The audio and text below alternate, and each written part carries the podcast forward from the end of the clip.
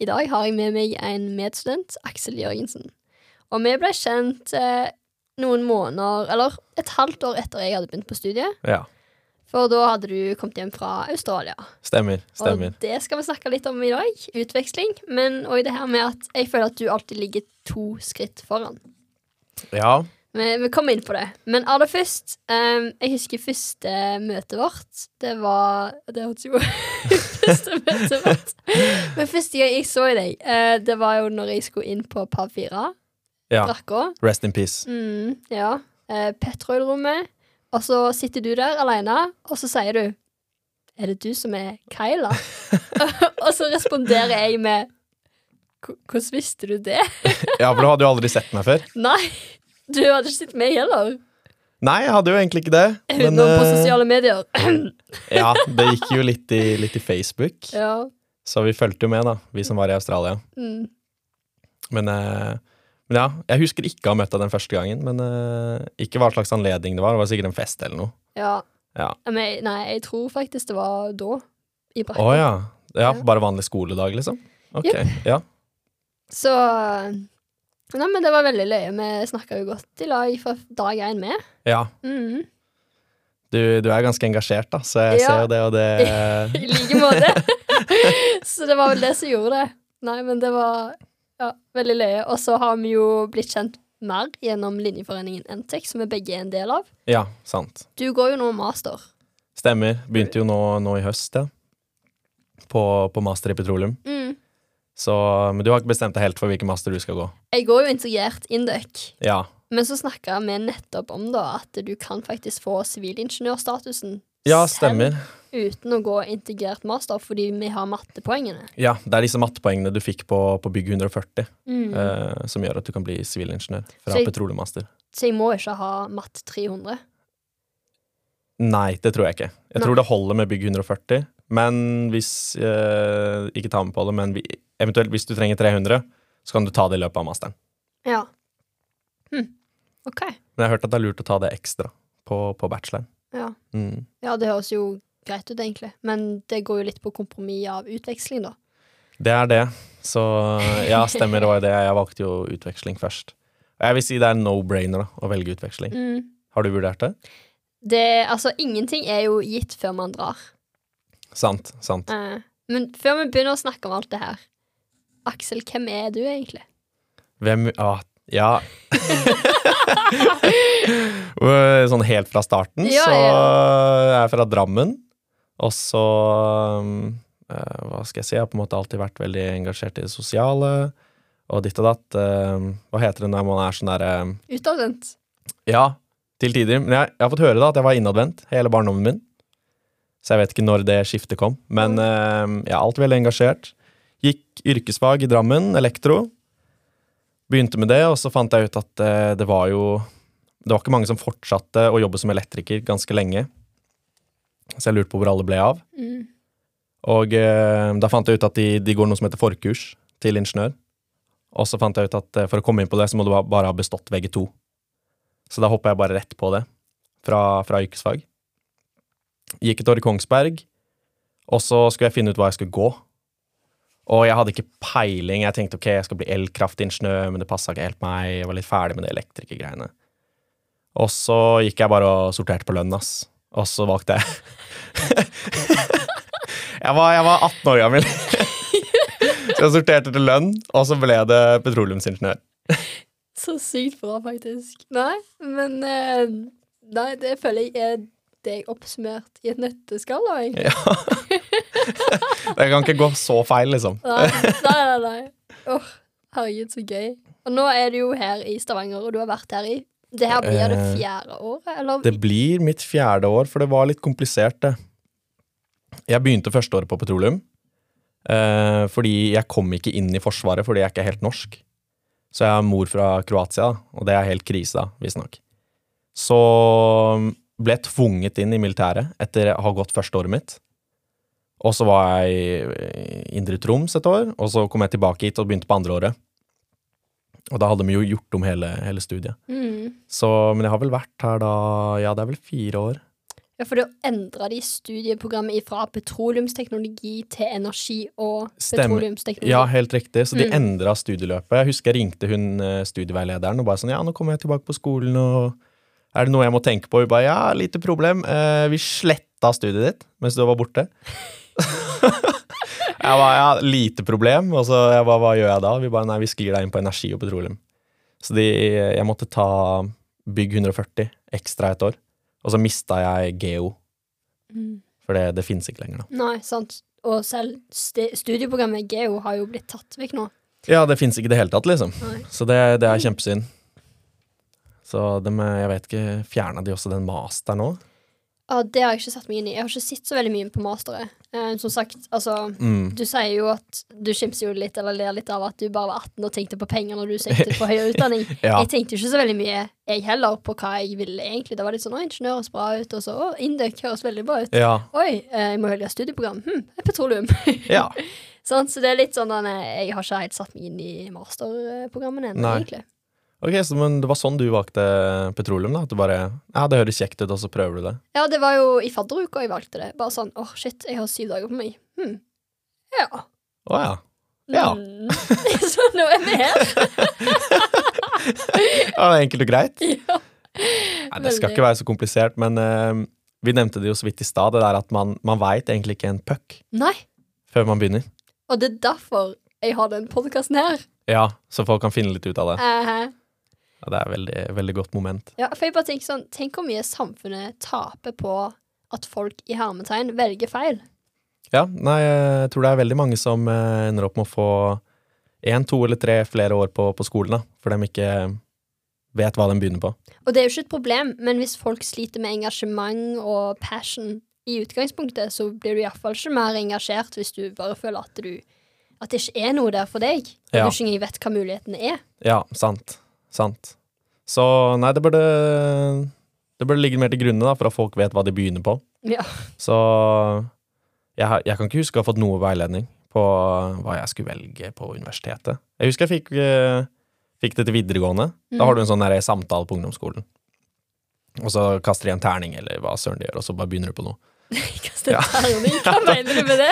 Du bare velger noe tilfeldig. eh, Ja. Men, eh, men ja, det burde jo vært noe sånn mer introduserende til universitetet. Ja, jeg er enig. For det er ingen som veit hva de kommer til. Nei, det er liksom ikke det, og blant annet Apropos det, du vet ikke hva du kommer til. Jeg trodde jo når man kom hit, så var det veldig seriøst. Sant? Ja. Så derfor var jo jeg superengasjert, og såpass engasjert at jeg, eh, dere la merke til meg mens dere var på utveksling i Australia. Ja. For jeg posta så mye på Facebook, liksom.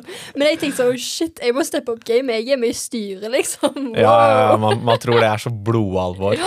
Mm. Ja, så, men så finner man ut at det er jo egentlig bare sånn vennegjeng Ja. som styrer litt penger, og så prøver å få til noe pils. Så nei, det er faktisk veldig løye. Eh, Men utenom NTEC så har vi òg blitt kjent i lag gjennom Tekna. Stemmer, stemmer. Ja, for du ble jo også studentkontakt. Ja, jeg ble det òg. Men eh, nå har jeg ingen verv, da. Mm. Ja, det jeg skulle til å si på et punkt inn her, så hadde du ganske mange verv. Ja, jeg hadde det. og jeg er veldig glad for det. Og eh, det kan godt være jeg melder meg inn igjen, men så trengte jeg en liten pause akkurat dette semesteret her. Ja, Eh, bare fokusere litt på ja, podkasten, trening og skole. Sant, for du, du har et ganske krevende semester nå med, med FIS 100, eh, nei, FIS 200 Mm. termo, da. Ja. Det er, det er ganske vanskelig, det krever mange timer. Det gjør det. Så jeg tror det er riktig prioritering. Mm, jeg tenker det.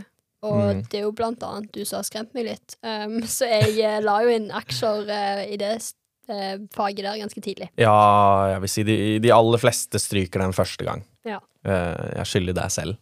Men konten går som regel bra. Men så hører jeg jo det at eh, problemet er hvis du begynner å konte. For da begynner jo alt Ja, det er en sykdom, ass. Ja, Ja, sant? ja, ja. Sånn kronisk sykdom. Ja, skikkelig. Det, det er ingenting som heter en strategisk kont, Nei. mener jeg. Fordi du blir stuck med det, og så eh, Ja.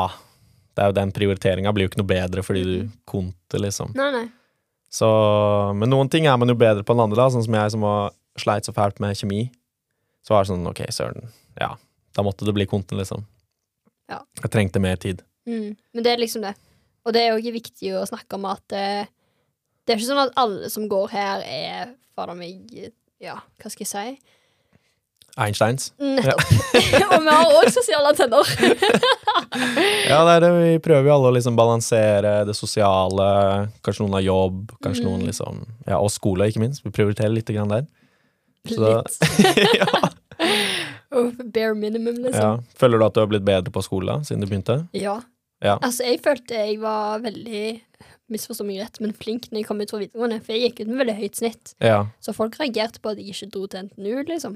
Oh, ja, ja. Men ja. eh, jeg var litt lei av det der strepet, så jeg tenkte sånn ja, litt chillere. Ja, velge et litt chillere opplegg. Ja, egentlig. Sånn faktisk. Um, så jeg følte jeg hadde veldig god kontroll, men så har jeg funnet ut av nå Sånn som vi har snakket om tidligere, at du får veldig mye igjen for å faktisk samarbeide med folk. ja, ekstremt. Ja, men det er liksom Jeg trodde jeg måtte finne ut av alt sjøl, og at den Mm. eneste måten jeg lærte på, var å isolere meg sjøl. Ja, ja, bare gå i en sånn hule Ja, og. Og der innså jeg at jeg har egentlig tatt veldig feil, for jeg lærer sykt mye av å være muntlig aktiv i timene. Ja. Sånn som jeg har fått gjort nå i ENP 100, Ja. prosess og produksjon. Mm. Første av petroleumsfaget. eh, og generelt bare i første 100, og diskutere hvordan andre tenker, og Ja. tilnærme seg eh, en problemstilling. Mm. Du lærer mye av det. Du får mye gratis arbeid av de andre, for det, de har på en måte knekt nøtta litt for deg, da. Det er akkurat det. Så bare bruke de orakeltimene, og så hvis, man, hvis man kan få professoren på egen hånd Det er jo sånn Ja, folk betaler masse penger for det sånt, liksom. Ja, men Mm. det er faktisk veldig sant. Så man må utnytte de ressursene som er der. Ja, helt sant. Men jeg angrer heller ikke på sånn som jeg gjorde det første året, Fordi da hadde jeg jo veldig mye på sida. Mm. Og matten, statistikken, data Altså det var veldig mye sånn der eh, Drillingfag. I Ja. tillegg til at jeg var jo Jeg kom rett fra videregående. Jeg måtte bare stole på de studieteknikkene jeg hadde fra før. Ja, sant. De jeg gjorde som utenom. Mm. Så det var bare den tryggheten. Ja. Ja, jeg skjønner det. Så ja, drillingfag. Puggefag. Mm, ja, ja, sånn der Ja. statistikk. Jeg møtte ikke opp i en eneste forelesning. Ja. Jeg gjorde bare oppgaver. Ja. Lærte meg hele fag, liksom. ja, det er det man, eh, man må. Mm. Den boka i det faget er faktisk ganske ok. Ja, du skrøt av eh, bøkene, men sorry, Ja, jeg har ikke kjøpt noen. Nei, ikke gjør det. Nei. Så jeg skal ikke oppfordre noen til å gå på nettet heller og finne bøkene, men uh, de fins. Nei, du trenger ikke engang bøker. Tro meg. Det er bare til oppgaver. Ja, og så og så legger jo lærerne har blitt veldig flinke på å legge ut i PowerPoint det som faktisk kom på eksamen. Mm. Så det er også litt sånn hack, da. Men det, det, du skal ha et fag som heter L320. Mm. Det er noen styringssystemer, eller hva søren det heter. Og der uh, må du screenshotte alle Kahoot hans. OK. Ja, for han legger ut uh, spørsmålene som kom på Kahoot, kom på eksamen. Takk. Ja, For det tipset der. det er en enorm life hack. Men jeg har òg hørt at dere har overvurdert det faget litt. Altså, hvis jeg sammenligner med når andreklassingene hadde Ja. det, så sa de at det var ikke så gale, så de lurte litt på hva dere holdt på med. Jeg vet ikke hva som skjedde. Eh, Vi hadde jo hjemmeeksamen på det. Mm. Uh, nei, det, var ikke, det er ikke så crazy. Det var bare at det var helt nytt, og vi var de første som hadde det faget fra petroleum. Så vi, det var litt sånn eh, the blind leading the blind, da. Ja, ja, ja, jeg forstår. Og så hjemmeeksamen. Dere har sikkert ikke hatt så veldig gode studievaner. Nei, nei, herregud. Og så var det sånn, når du har hjemmeeksamen, så lager du deg bare et sånn arkiv med oppgaver, Mm. så du kan finne. For eksempel eh, eh, ENP 120, Mm. energiteknologi. Vi var de første som hadde det faget, og eh, alle oppgavene var eksempeloppgaver i boka. Og vi hadde boka på PDF, så vi kontroll F-a hver eneste oppgave. Men det er jo lov på hjemmeeksamen. Det er det Ja. som er helt, eh, helt absurd. Wow. Jeg vet ikke, jeg tror snittet var A i det faget. Altså, herregud, om det er mye lettere for dere å få gode karakterer da, egentlig, nå, siden dere har hatt så mye korona og Ja og nei. Noen gjorde de eksamene sinnssykt mye vanskeligere. mm. Så på mange måter så var det vanskeligere. Men ja, hjemmeeksamen er eh, Det var bra for oss. Ja. Da, da kan du jobbe 100% og fremdeles stå alle fagene dine. Og... Oi, oi, oi, Ja. så ser dere på oss og bare tenker uff, stakkars da. Ja, fordi det som har skjedd, er at eksamene ble vanskeligere. Ikke At det bare fortsatte, liksom. Ja, ja. De har ikke gjort de enklere. Det er ikke alle lærerne som skrur tilbake, da. Så Du ser jo det når du øver på gamle eksamener. De ligger jo på NTEC, gjør de ikke? Mange av de. Jo, jo, de gjør det. Ja, så ser du jo de konte De eh, koronaeksamene er jo dødsvanskelige. Mm. Sånn i bygg 140. Det er jo sånn, Ja, ja, noen men- av de var jo helt insane, liksom. Faktisk, men jeg trodde det var normalen. Men det betyr jo bare at jeg får sykt mye læringsutbytte, da. Ja! Kjempesmart. Ja, wow!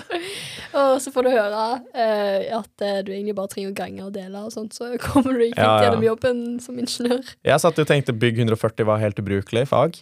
Men uh, på master i petroleum så er det ganske kjekt å ha. Sant. Og det her er veldig kjekt å vite. Sånn for eksempel Ja, at du faktisk får brukt for de tinga.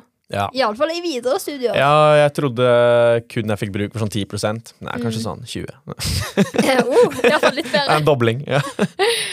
Uff. Nei, men igjen, hvor mye får man brukt for det i arbeidslivet? Ja, nå- Stay tuned for sesong åtte! Ja. Jeg, jeg har jo fått uh, stilling som prosjektingeniør nå. Jeg gikk jo Ja. fra trainee til å bli prosjektingeniør på, på PXO. Og uh, ja, man må jo liksom Hva er det man, bru- hva er det man bruker mest? Common sense. Ok, ja. Så uh, Men det, det med petroleum er jo Man må bare jobbe i industrien for å skjønne hva søren folk snakker om. Mm. Det er veldig lite man kan lære på, på universitetet, da. Det tviler jeg ikke på. Ja. Altså, for det første, man lærer best med å gjøre. For det andre, liksom En ting er at jeg nå lærer meg hvordan fluide strømmer i en brønn, av at jeg Mm. kan trykkforskjeller og sånne type ting. Men Ja. jeg forstår det jo Altså, jeg hadde ikke greid å sitte for meg i virkeligheten, for jeg har ikke sittet i virkeligheten. Nei, sant, sant. Og så er det, det er veldig vagt på bacheloren. De går Mm. sånn så vidt inn på ting. Det er veldig mye generalisering og forenkling. Men eh, prinsippene er jo det samme, da. Men føler du at det har blitt mye vanskeligere nå når du går petroleumsmasteren din? Ja, den er mye vanskeligere. Ja. Eh, Jeg må legge inn mye mer arbeid enn på bacheloren. Mm. Nå, nå jobber jeg jo 50 ved, da. Men eh, jeg føler allikevel at eh, fagene er ganske mye vanskeligere. Du jobber 50% og fagene er mye vanskeligere. Ja, så det er Ja. Hvor, hvor mye sover du, om jeg får spørre? Eh, Seks timer. Mm. Du må høre på den episoden min mer om søvn. Mer om søvn. Ja, søvn Ja. Heller les bok eh, 'Hvorfor vi sover'. ja, det, Matthew ja, det er sykt viktig å få riktig søvn. Mhm. Men eh, Og det Altså, jeg tenker også sånn Når jeg ser på deg, så tenker jeg at du er en type som Altså minimaliserer. Og ja, typ du tenker det her er work smart, not hard. ja, 100 Så hvorfor eh, sover du ikke to timer ekstra og jobber litt mindre, men får mer utbytte? ja, Det er jo ofte litt sånn bosituasjonsmessig. Jeg bor i kollektiv, Mm. så det er klin umulig å legge seg før halv tolv på natta. Det, det bare bråker. Ja. Eh, enkelt og greit. Eh, og så starta jeg jo på jobb syv på morgenen. Så jeg må opp seks, og da er det jo seks timers søvn inni der. Ja, forstår. Så um, det er derfor det har blitt litt mindre søvn. Og så tenker jeg jo alltid sånn, ok, det er bare periodevis. Ok, Så jeg gjør bare det her i eh, fire måneder, tre måneder, og så er det ferdig, liksom. Så Så går det fint. Det gjør jo det. ja, du får gjort så sinnssykt mye, da. Mm. Så hvis du, hvis du jobber med noe fra seks, ja, syv på morgenen til ti på kvelden, så rekker du å ha to dager i én dag.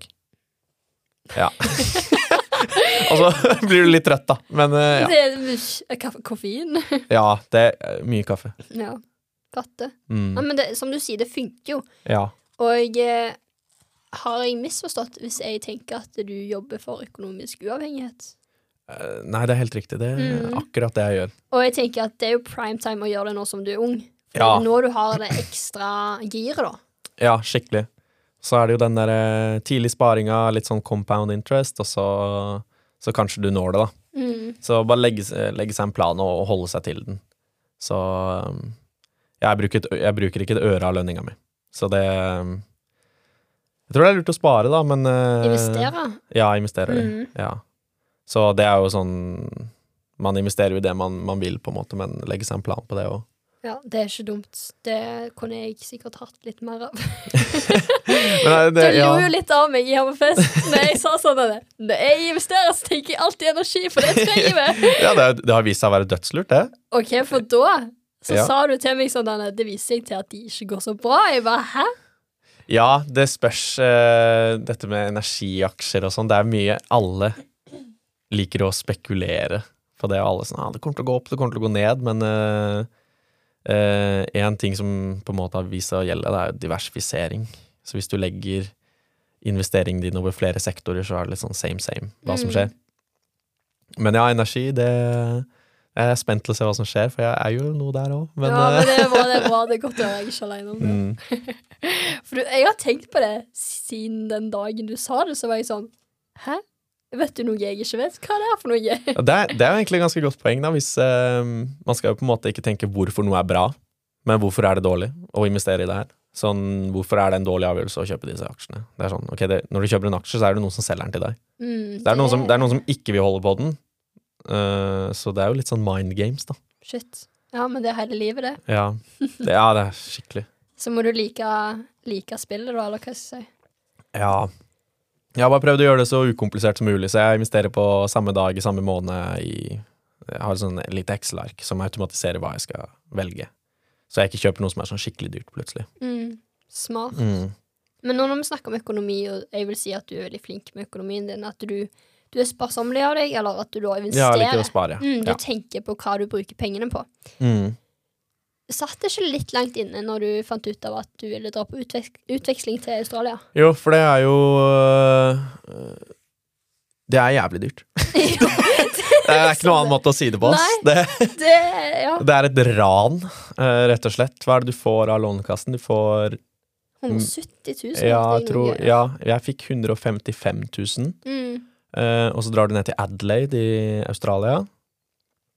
Eller Perth, eh, for, for den saks skyld. Og så betaler du 90 000 kroner i, i skolepenger. Så da er jo over halvparten borte med en gang. Og så er leia i Australia helt eh, absurd. Fordi etter covid så flytta alle australierne hjem til Australia.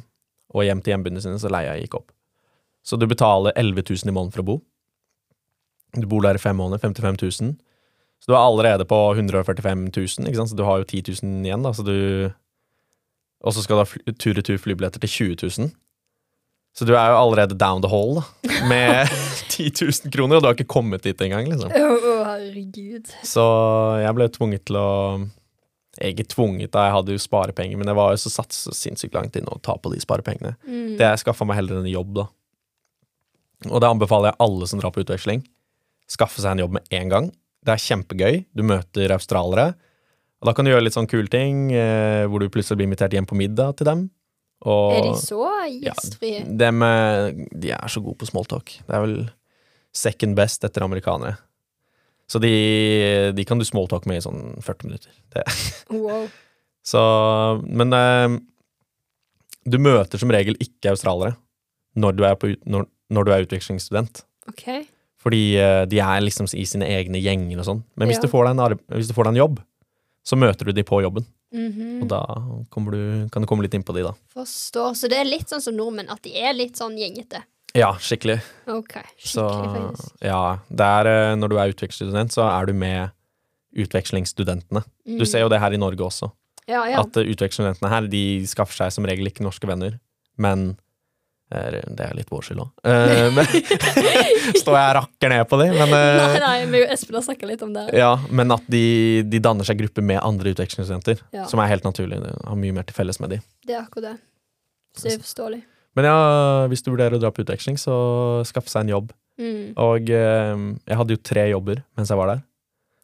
Så eh, jeg veit hva du burde jobbe som. Okay. Og det er eh, I Australia så tar du et sånt eh, bartending-sertifikat på nettet. Som koster sånn et par hundre kroner. Og da er du sertifisert til å servere alkohol. Og da kan du jobbe på bar.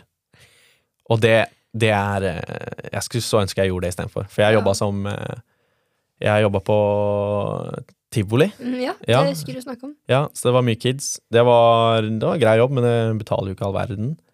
Eh, og så var det berg-og-dal-bane-demontør i etterkant. Så det var jo helse, miljø og sikkerhet katastrofe. Mm -hmm. det var jo ikke noe hjelm, det var jo ingenting, og du blir heist opp i sånne kraner, og du går opp i de her berg-og-dal-banene uten sele, og Men du får betalt, da. så Er det bedre betalt? Nei, jeg fikk jobbe mer, da. Så jeg fikk jobbe flere timer. Mhm. Da kunne jeg jobbe Da jobba jeg vel 14 timer i døgnet eller noe i en uke. Hvordan fikk du alt det her til å gå rundt, Aksel? Det, det, går, helt, det går helt fint. Hva, hva var den tredje jobben, da? Eh, det var den beste jobben jeg kanskje har hatt i hele mitt liv. Eh, det er Uber Eats-syklist. så sykler rundt med en sånn ryggsekk. Og så deler du ut mat, sånn som Bolt og Ja, det er basically Foodora. Ja. Ja. Mm. Men eh, den byen jeg var i, Adelaide, den er helt flat. Så det er dritchill, og det er Australia, så det er varmt. Og de hadde tilrettelagt eh, ganske greit på sykling. Det er nice, da. Så um, ja, det var den beste jobben jeg har hatt. Altså. Du blir kjent med hele byen, du møter masse folk. Det var ganske godt betalt, for det er provisjon. Så du, du får så mye du leverer. Så du kan fint tjene 250 kroner timen. Som er, det er ganske bra i Australia. Ja, okay. Ja, er det Mm. Er det lavere inntekter der? Eh, ja, de har mye større klasseskille okay. i Australia. Så på en måte de som har lite der, har sånn De har ikke en dritt. Og de rike tjener ganske mye penger der. Mm. Men eh, ja, 250 kroner er ganske bra. ok.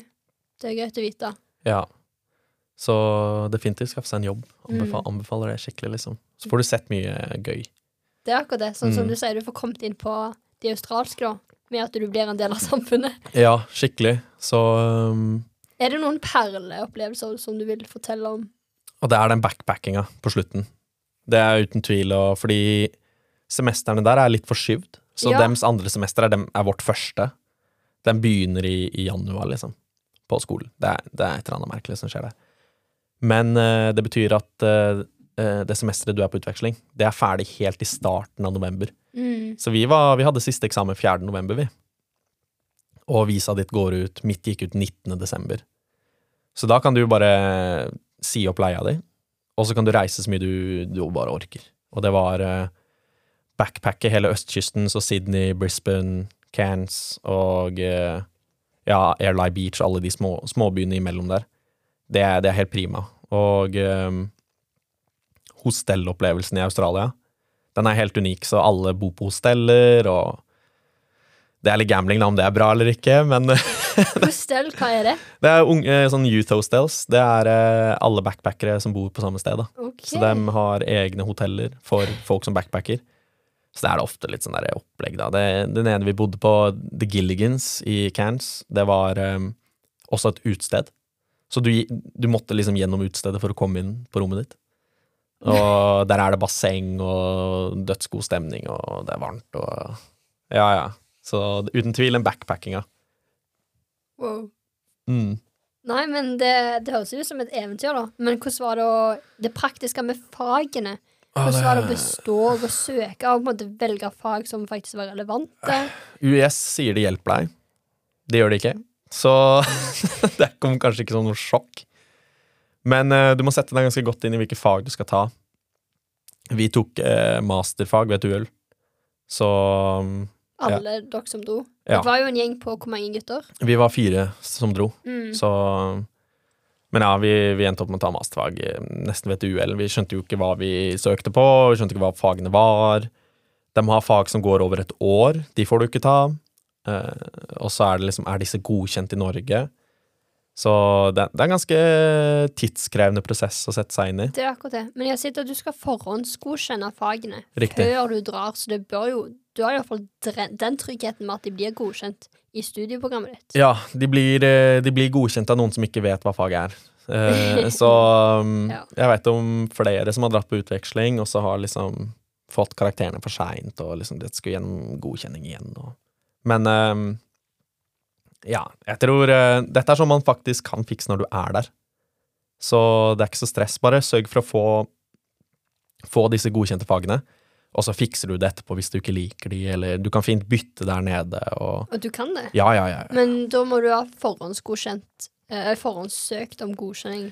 Ja eh, Du vet Du vet sånn cirka selv eh, Det meste er godkjent.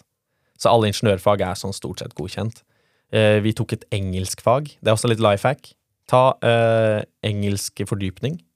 Så du har eh, Du går med førsteåringene på universitetet der, og så tar du engelsk. Altså du har fag engelsk. Ja, du har engelsk der nede. Du har engelsk fordypning. Og da, da leser du sånn herre dikt og sånn her. er dritchill. Wow. Eh, og så lærer du faktisk litt eh, eh, teknisk engelsk. ja. Sånn at dette er Akademisk. ja, skikkelig heavy engelsk, da. Mm. Så jeg skal ikke si at jeg, jeg satt ikke igjen med null, da, men eh, Eh, Det er ganske nice å ha et sånt fag som ikke er så krevende. Ja, ja. Og så kan du heller eh, For du har jo fire fag der nede. Du har det. Ja, for det er sju og et halvt poeng per fag. Mm. Så mm, det kan bli ganske mye skole. Og når du er på utveksling, så skal jeg ikke si at du fokuserer på å gjøre minst mulig skole, men Men du er jo i Australia, da. det er Altså, akkurat det. det, er akkurat det. Så hvordan igjen, og når du jobber noen ganger 14 timer til dagen, jeg blir litt sånn Hvordan så hverdagen din ut? Kan du ta meg Eh, gjennom en eh, vanlig uke? en vanlig uke. Uh, disse jobbeukene jeg hadde, de kom ganske tett. Men jeg kan ta en arbeidsuke når jeg jobba med Uber Eats. Så er det mm, eh, Du har åtte uker intenst på starten av året med skole. Så etter de åtte ukene så har du ingen skole. Og da er det kun eksamensøving. Så da er det jo å uh, gjøre disse innleveringene du eventuelt har. Så ja, du står opp i rimelig tid, åtte-ni-tida, gjør litt skole, ditt og datt. eh, eh, hvis det er fredag, så kunne jeg finne på å hoppe på sykkelen og levere Uber Eats i to timer. Fordi uh, lunsjrushet på Uber Eats betaler ganske bra. Mm. Og så er det tilbake, kanskje gjør litt annen skole, og så mm, gjør jeg middagsrushet på Uber Eats. Så får jeg litt penger der òg. Og så er det eh, å se hvor, eh, hvor det er fest. For det er jo mye drikking, og det er mye, mye kultur. Du skal møte så mye mennesker som mulig, da, og være så sosial som mulig. Så da er det å finne et sted som har happy hour, for det er veldig populært i Australia. Så om det er studentbar eller eh, Crown and Anchor var det et sted som het. Og, så mm, veldig vekt på det sosiale, da. Absolutt. Det er jo det jeg vil tro når Ja. du liksom først er der, da. Du vil jo bli kjent med folk, og du vil jo oppleve Australia. Ja, skikkelig. Så øh, Men øh, det er litt sånn øh, Om man skal anbefale introverter å dra, det er sånn Jeg føler det er skikkelig god opplevelse for alle, fordi jeg føler folk kanskje kan være litt sånn ah, nervøse. Ah, det er ikke helt min ting, liksom. Jeg sier dra uansett, liksom. Mm. Altså, du får betalt fra Lånekassen. Og ja, det er litt dyrt, men du kan få deg jobb der nede. Kanskje du har satt av litt penger. Jeg vil si det er verdt det uansett. Og de fagene du har der nede, er råkule. Du tar eh, Det kuleste faget var field development. Hva det var for noe?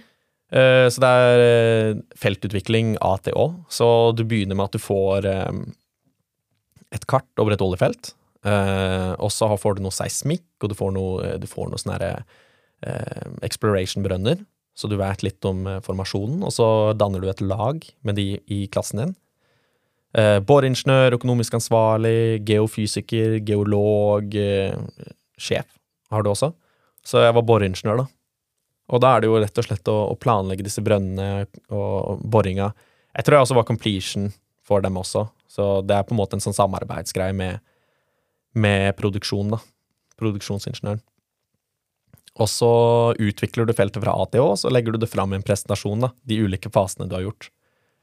Og eh, de lærerne der, eh, de er sinnssykt gode. Så vi hadde en um, tidligere sjef i et eller annet oljeselskap som kom og så på det vi holdt på med. Det var råtøft. Lærte dritmye. Og så petroleumbusiness. Det har vi også. Det, synes, det var ganske vanskelig. Men eh, rett og slett eh, hvordan du beregner cashflow på et oljefelt. Ikke sant? Ja, så du lærer litt om det også. Ja. Føler du at du på en måte ville ha lært mer, eller at du lærte da mer i Australia enn du ville ha gjort om du bare ble hjemme og tok de valgfagene vi kan ta her? Siden Ja, du sier jeg- at fagene er så kule, Jeg liksom. vet at ett fag som er her, er ganske kult når du er på utveksling. Jeg tror det heter fluid, øh, om jeg ikke tar feil. Et eller annet sånt. Og jeg ser at de, de jeg går master med, har lært ganske mye i det. Mm. Men jeg må innrømme at eh, det er lite som kommer til å slå petroleum business, data analytics, oil and gas og field development. Altså det, det var Du får velge akkurat det du liker. Men veldig løye òg, fordi det her er jo masterfag, så jeg vet ikke om jeg kan anbefale. Nei, eh, det er jo det, da, at uh, Du skal bare bestå i Australia. Ja, det er skikkelig eh, pass or no pass. Mm. Uh, og det er veldig vanskelig å stryke fagene i Australia. Er det det? Det er veldig vanskelig, fordi uh, de har et bra eh, vurderingssystem kontra her. Uh, I Norge er det jo kun én eksamen. Ja. Jeg vet ikke hvem som hadde den ideen. Det jeg synes jeg er kjempeteit. I Australia så har de eh, vurderinger i quizer gjennom hele året. Så du, du har allerede gjort 40% av faget når du kommer til eksamen. Og da har du bestått. Da, du har mer eller mindre bestått uansett. Så jeg syns det er en mye bedre måte å vurdere en, en student på, da. Ja. Fordi det å liksom Her er boka, og så skal du ha fire timer og da skal vi kunne trekke ut hvilken som helst oppgave i den boka, og du skal kunne løse den for å få den av. Det er ganske heavy, ass. Det er det. Det er jo egentlig det. Det er litt sånn, ja, det kan bli vanskelig. Ja. Nei, men det er derfor jeg sier litt bare gjør eksamensoppgaver, for det er mye som kommer igjen. Men så er det litt sånn, ok, av og til har du jo nye professorer, sånn som i første hundre nå. Jeg er veldig spent på hvordan Alex Ja, gjør det i forhold til tidligere Mm. professorer, og siden det er et fag som veldig mange stryker i første Ja. gang. det er et skikkelig eh, bachelor-killer, Mm. denne det er første hundre. knekka. Ja, skikkelig. Det er det, det vanskeligste faget på, på bacheloren. Men da føler jeg meg ganske letta, da. For jeg, Ja. til nå så føler jeg det går fint, og så vil jo tiden vise. Ja, Og hvis jeg kommer gjennom, når jeg kommer gjennom, så er det jo Da kan jeg jo på en måte tenke Da har jeg klart det, på en måte. ja, ja altså, du, du får L320, og det, det fikser du hvis du har fiksa første hundre, liksom. Ja, men det er godt å høre. Mm. Men eh, hva var det som gjorde at du hadde lyst til å dra på utveksling? Hvis du i utgangspunktet er veldig påpasselig med penger og Eh, det var jo det at jeg valgte petroleum eh, av flere årsaker. Det var jo hovedsakelig at jeg ikke visste, så jeg sorterte bare etter lønn. tenkte det er godt nok. Eh, men det var jo også det at eh, hvilken bransje har jeg størst sannsynlighet for å bli sendt rundt i verden på. mm, Og jeg er veldig interessert i å reise og jobbe i utlandet og sånn. Så det, det var på en måte nesten sånn indre kall, da. Jeg må dra på utveksling når jeg har sjansen til det. Og jeg, jeg sa jo opp jobben min, liksom, når jeg dro. Ikea ville ikke gi meg permittering. Så Their loss. ja, Eh, så Men nei da, så uh, Ja, det var bare det at jeg elsker å reise, og ja. Og så så jeg at jeg hadde på en måte råd til det. Jeg har blitt mer sånn økonomisk eh, aware de siste, de siste året, de siste mm. årene. Så når jeg fikk meg på en måte en ordentlig jobb, da, så var jeg sånn ok, søren, det her er litt, eh, litt for mye penger å bare waste liksom på byen. Mm. Jeg fatter. Men vurderer ikke du nå utveksling igjen, men til Houston? Jo. Øh, jo, jeg vurderer skikkelig å dra på utveksling til Houston. Eh, jeg sitter egentlig ganske på gjerdet om jeg skal gjøre det eller ikke. Og det er jo rett og slett fordi det kan være en ganske god mulighet til å bli kjent med folk i Houston. Og det kan jo hjelpe meg etterpå, da. Mm. Med å kanskje få noe jobb der, eller hvis jeg flytter dit etterpå med en jobb, at jeg allerede har et nettverk der. Så det er litt, litt uh, å tenke på det, da, så jeg har alltid hatt en drøm om å bo i USA. Okay. Så jeg er veldig fascinert av USA, og uh, jeg elsker kulturen som er der. Jeg bare syns det er herlig. Ja, fatter. Så, men ja, nå, nå er det den der up and coming Houston-turen til Entec. Ja, Har du meldt deg på den? altså Vi vet jo ennå ikke hvem som får være med. Hæ? Det er jo bare begrensa plasser, liksom. Å ja, er det for mange som har søkt? Ja. Ok. Mm, Det blir vel bare å velge de som har kommet lengst på bacheloren? noe sånt. Men jeg vet ikke. Håper de tar en, en rettferdig mm, inndeling. Ja, altså igjen, jeg, jeg er ikke med i komité, så jeg har ikke peiling. Tiden vil vise, Ja. og så stoler jeg bare på de som er der. Ja, det var jo Jeg var jo ikke den som hadde gått lengst når jeg dro til Houston, så jeg var sånn ah, søren, sjansen for å bli med er ganske liten, da. Men da mel eh, meldte jeg meg inn i komiteen, Mm, for da var jeg garantert en plass. mm, Det krevde jo litt arbeid, da, men det er på en måte belønningen at du, du får bli med og være med og bestemme, da. det er akkurat det. For den eh, Houston-turen er helt, eh, helt sinnssykt eh, fet. Det, det er råtøft, liksom. Så det anbefaler jeg alle Og Hvis de har mulighet til å dra på det, så dra på det. Men der er du veldig god, og en inspirasjon. Fordi jeg føler veldig mange tenker sånn at jeg gjør minst mulig, for mest mulig. Ja. Og du er veldig sånn at jeg skal være med på mye, men jeg skal også jobbe for det. Og Ja. du, du er ikke redd for oi, shit, tenk om det blir for mye. Du er med på alt. Jeg så jo, Ja. Vi møttes jo på flyplassen og skulle dra til Hammerfest i lag, for ja, riktig. Og mens ingen andre på en måte tenkte at de hadde tid til det. Ja, jeg ble helt uh, sjokka over at uh, vi spurte hvor mange som hadde søkt på det. Det var sånn 30 stykker som hadde sendt det til hele landet. Æhæ. Så jeg var sånn Å ja. jeg trodde jeg var sånn sykt flink, jeg, da. Det var bare ingen som søkte. Sant, det er akkurat det. Men det er det at folk eh, Jeg tror det er etter korona at folk bare har en mye større terskel. Ja. Det er veldig komfortabelt å sitte hjemme, og så Ja. Det er nok det. Mm. Men um, Hvor kommer engasjementet ditt ifra, egentlig? Uh, Jeg vet ikke, jeg syns alt er så kjedelig. Jeg, jeg kjeder meg veldig fort. Mm. Eh, og eh, jeg har jo hatt perioder i livet hvor jeg har sittet veldig mye hjemme, og så jeg går lei av det. Ja. Eh, det er jævlig komfortabelt og ditt og datt, men det er ikke så spennende, da. Og så jeg føler med en gang du begynner å innse at shit, det er ganske mye spennende man kan finne på, så blir man litt hekta, da. Ja, ja. ja. Hva skal jeg si? adrenalin-junkie, Ja, ja. eller? Ja, nei eh, Vel, må ha henda fulle og Ja. gjøre noe hele, hele dagen. Det er vel, Mm. så er jeg fornøyd. ja. OK, Mm. har du veldig Er du veldig streng med deg sjøl? Nei. Nei. Nei. Det er bare det at du Eh, liker det ja. arbeidet, da. Det er um, sånn så, så vidt jeg nevnte at når jeg programmerer til seint på kvelden, for det, for det jeg holder på med, så uh, så sier liksom de, de jeg kjenner sånn ah, 'Søren, hvordan gidder du på en måte å sitte så seint og gjøre det?' Sånn, jeg, jeg, det er som å game, liksom. Eh, jeg elska å spille før, og det kosta meg ikke noe energi å spille, men jeg syns det er minst like gøy å holde på med det her. Så da er det ikke noe tidsbegrensning. Det er nesten, når jeg er ferdig med en dags arbeid og skole og sånn, at jeg får holde på med de prosjektene mine. Da er jeg sånn Det er belønningen, da. Mhm. Ja. Sant. Så belønningen for å ha gjort et visst arbeid er at du kan gjøre mer. Ja. Så Eh, det, de ser på det som arbeid, men jeg er sånn Nei, Å, det er gøy. Ja. Det, og da lurer jeg litt på økonomisk uavhengighet. Hva skal du på en måte med det? Om du forstår? Hvis du liker å jobbe. Altså, hvis du Når du når det målet, hva er på en måte planen videre? ja, det Hva var det jeg satte et mål på ti mil i, i disse aksjene, så tenkte jeg ok, det er en ganske grei gevinst. Du må snakke litt om det her programmet, fordi det vet jo ikke lytterne. Ja, eh, det programmet jeg tenker å utvikle. Ja. eh, Så det er bare kort fortalt, det er en, et program som skraper nyhetsaviser i hele landet. Og eh, laster opp denne informasjonen på en server, og så lar den ChatGPT lese det. helt automatisk. Og hensikten er bare at ChatGPT skal lese nyhetene, ikke du. Og da slipper du å lese alle avisene. Og det er, det er hele greia. Sant. Og det blir en sånn månedlig abonnement, men ja. En, eh, liten, eh, en liten hjelper, da, på, for å lese aviser. Så Eh. sparer du da tid som kunde. Stemmer. Spar tid. Og eh, hvis du har noe sånn premieabonnement og sånn for å få varsler fra avisene, så slipper du å ha det. Så kanskje du sparer litt tid og sparer litt penger. Og, eh, man kan jo ikke sitte og lese aviser hele døgnet. Men hvis du får en varsel når ditt, eh, et selskap du har investert i, eh, når det kommer en nyhet på det, og du bare får en varsel, så kan du være litt sikra, da. For at du ikke går, går glipp av noe. For jeg leser veldig mye aviser selv.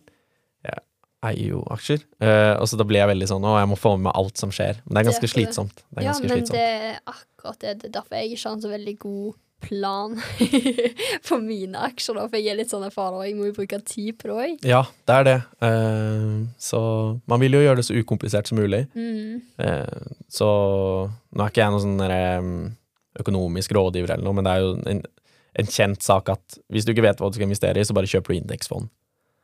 Og det er, ja, det er bare et fond som eier litt av alt på børsen. Mm. Og, og så er du good, liksom. Men det er helt sant. Ja. Det er iallfall bedre enn å bare spare.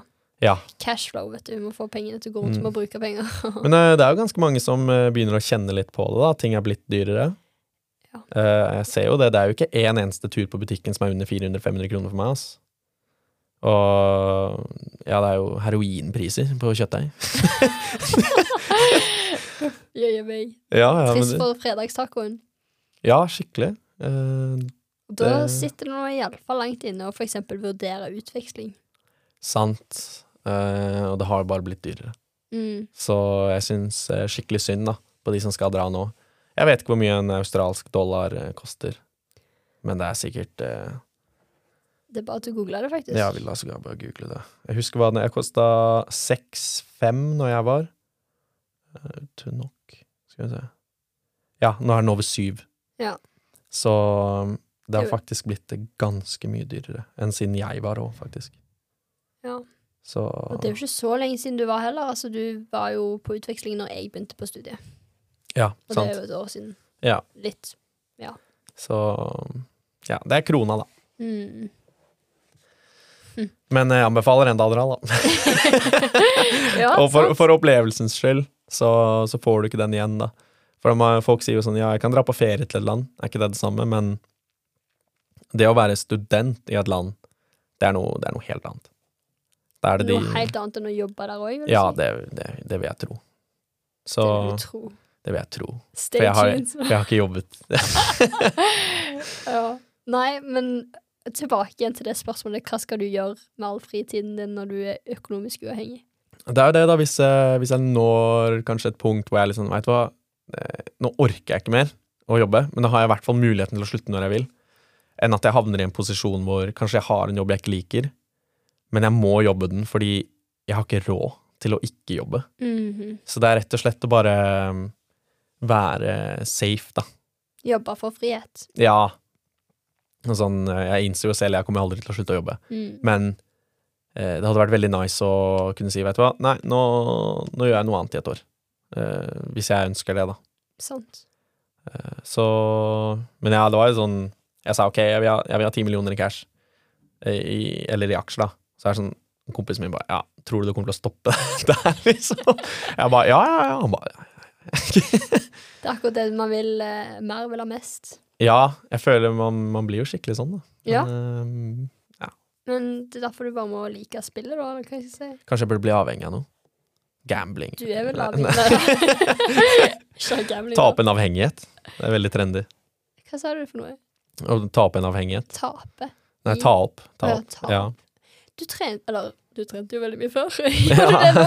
Nei, jeg har ikke trent på evigheter. Det er ikke bare å sette deg i den posisjonen. Åh, jeg, uh, Er du litt sånn all in or nothing-type Ja? Veldig. Okay. Det er ja. veldig, jeg er veldig svart eller hvitt.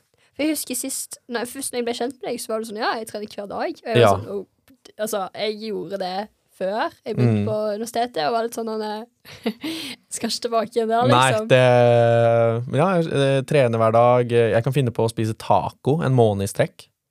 Det har jeg gjort mer enn én en gang. Uh, jeg, jeg kommer nettopp av en bolognese-streak på sju dager. Så uh,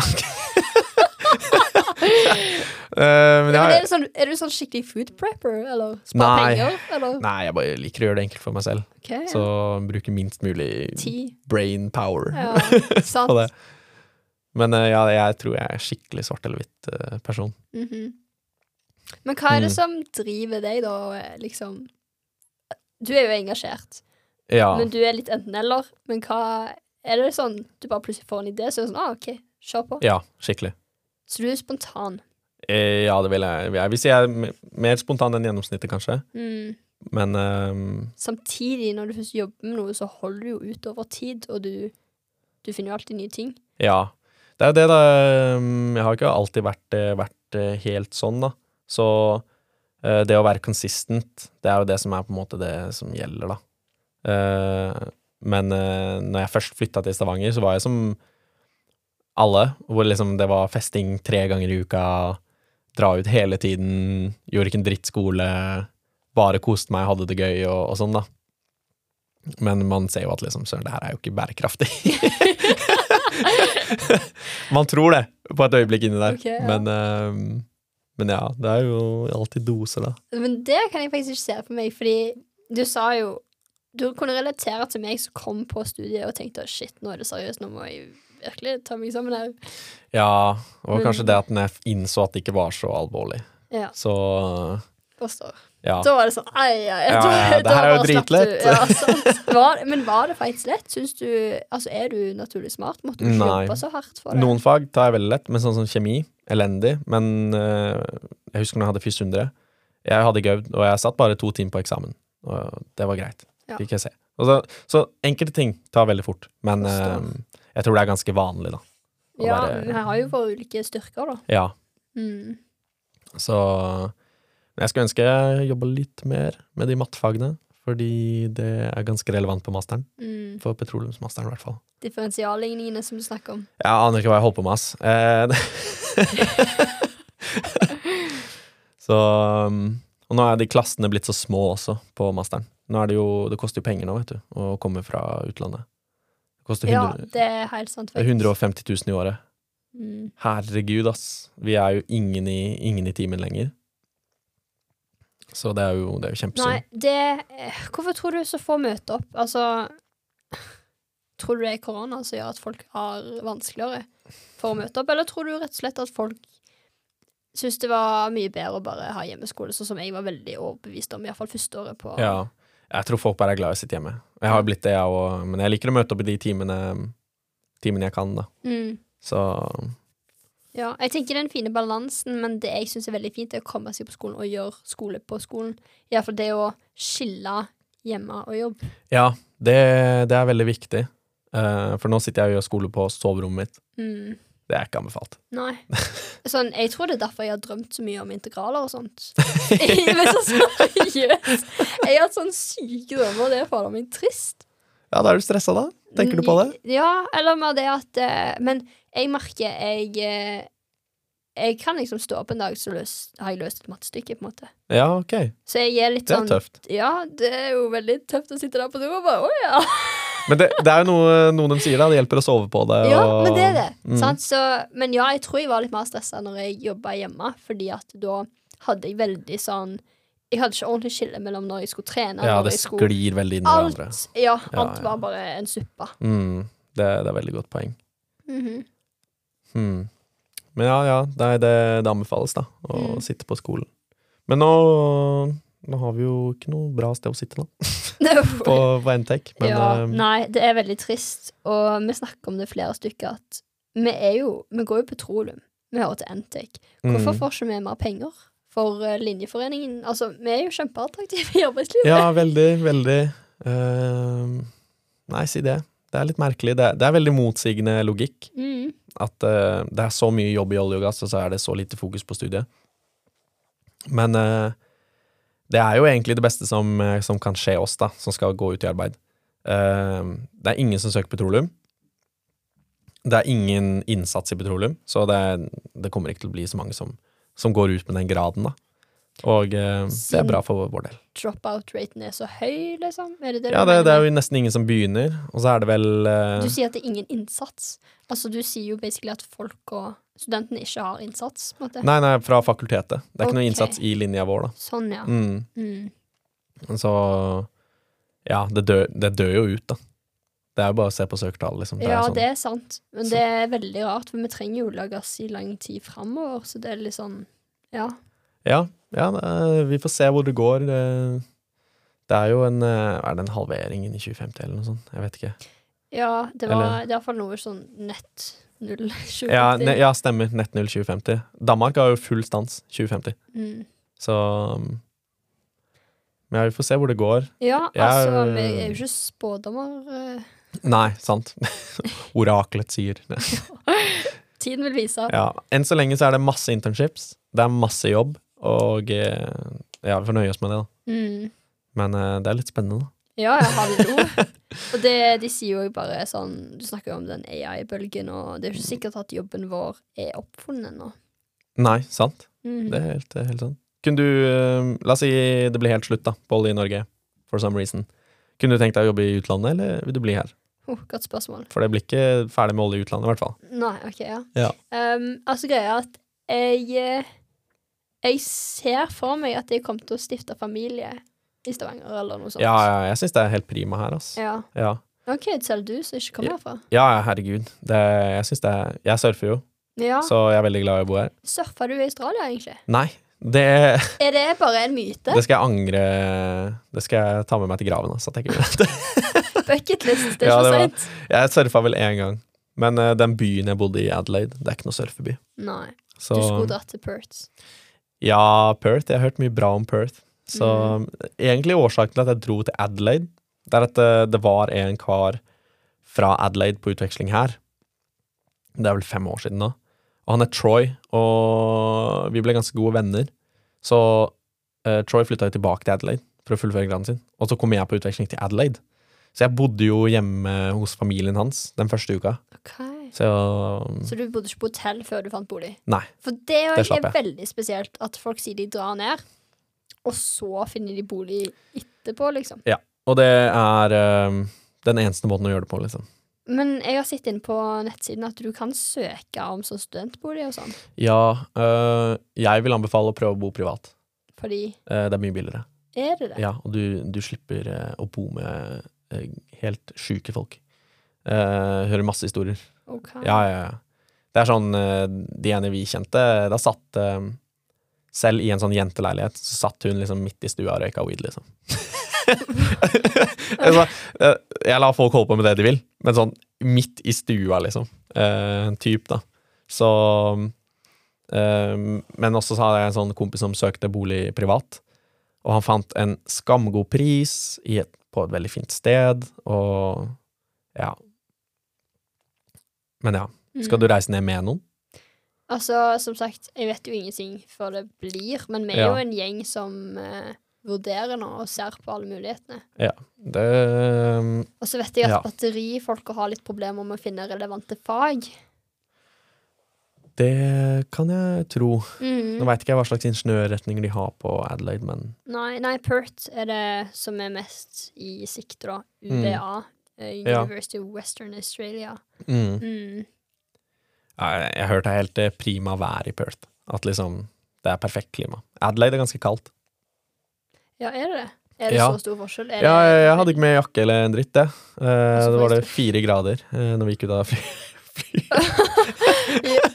OK. Jeg trodde det var varmt i hele Australia. Ja. Visste du at man kan stå på ski i Australia? Nei. Det jo no, det, de har steder hvor du kan stå på ski, liksom. OK, men når ble det varmt? Eh, I september? Nei, oktober. Okay. Slutten av oktober så begynner du å se disse 20 graderne. Mm. Men til da så er det bikkjekaldt. Når jeg jobba på tivoli, det var drittkaldt. Måtte bruke hansker og alt mulig rart. Ja, Så- det Fy fader, og hvis du jobber ute i 14 timer òg. Ja, ja, men det Jobber så varm. ja, faktisk. Men eh, ja, det, det var ikke Det er ikke den varmeste delen av Australia, så det blir ganske kaldt her. Du vet, Det er jo lett å le av ting i ettertid. Man glemmer gjerne ut det som gjorde vondt. skulle jeg si. Men når du sitter her og bare smiler og ler altså, Var du ikke litt bekymra gjennom denne prosessen her? eh, Eller et eller annet? Det, jeg syns ikke så synd på meg selv når jeg var der, fordi de jeg jobba med, de hadde det helt forferdelig på det berg-og-dal-banestedet. Det var helt syke historier jeg fikk høre der. Hun ene jeg jobba med, hun var vel 18 eller 19. Har ikke råd til å gå på skole, har ikke råd til en dritt. Hun blir liksom jula opp hjemme, eh, og faren hennes stjeler pengene hun tjener på den jobben, så han kan drikke de opp. Og jeg bare sånn wow, eh, shit, liksom, du, du trenger hjelp, liksom. Og eh, det, han andre jeg jobba med, han var 20 år gammel. Han var jo eh, meth-avhengig. Metamfetamin, liksom. Han drev jo og rusa seg på det, liksom. Uh, jobba sånn x antall jobber bare for å få råd til å leve og ruse seg. Og det var en annen kar der, han var jo alltid høy, da, eh, på et eller annet. Så det var helt, det var, ja, helt uh, sirkus.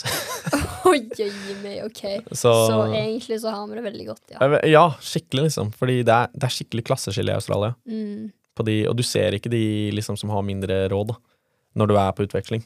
Nei, fordi Men- du er bare med de som har råd. Sant. Man har ganske god råd da, hvis man drar på utveksling. Ja.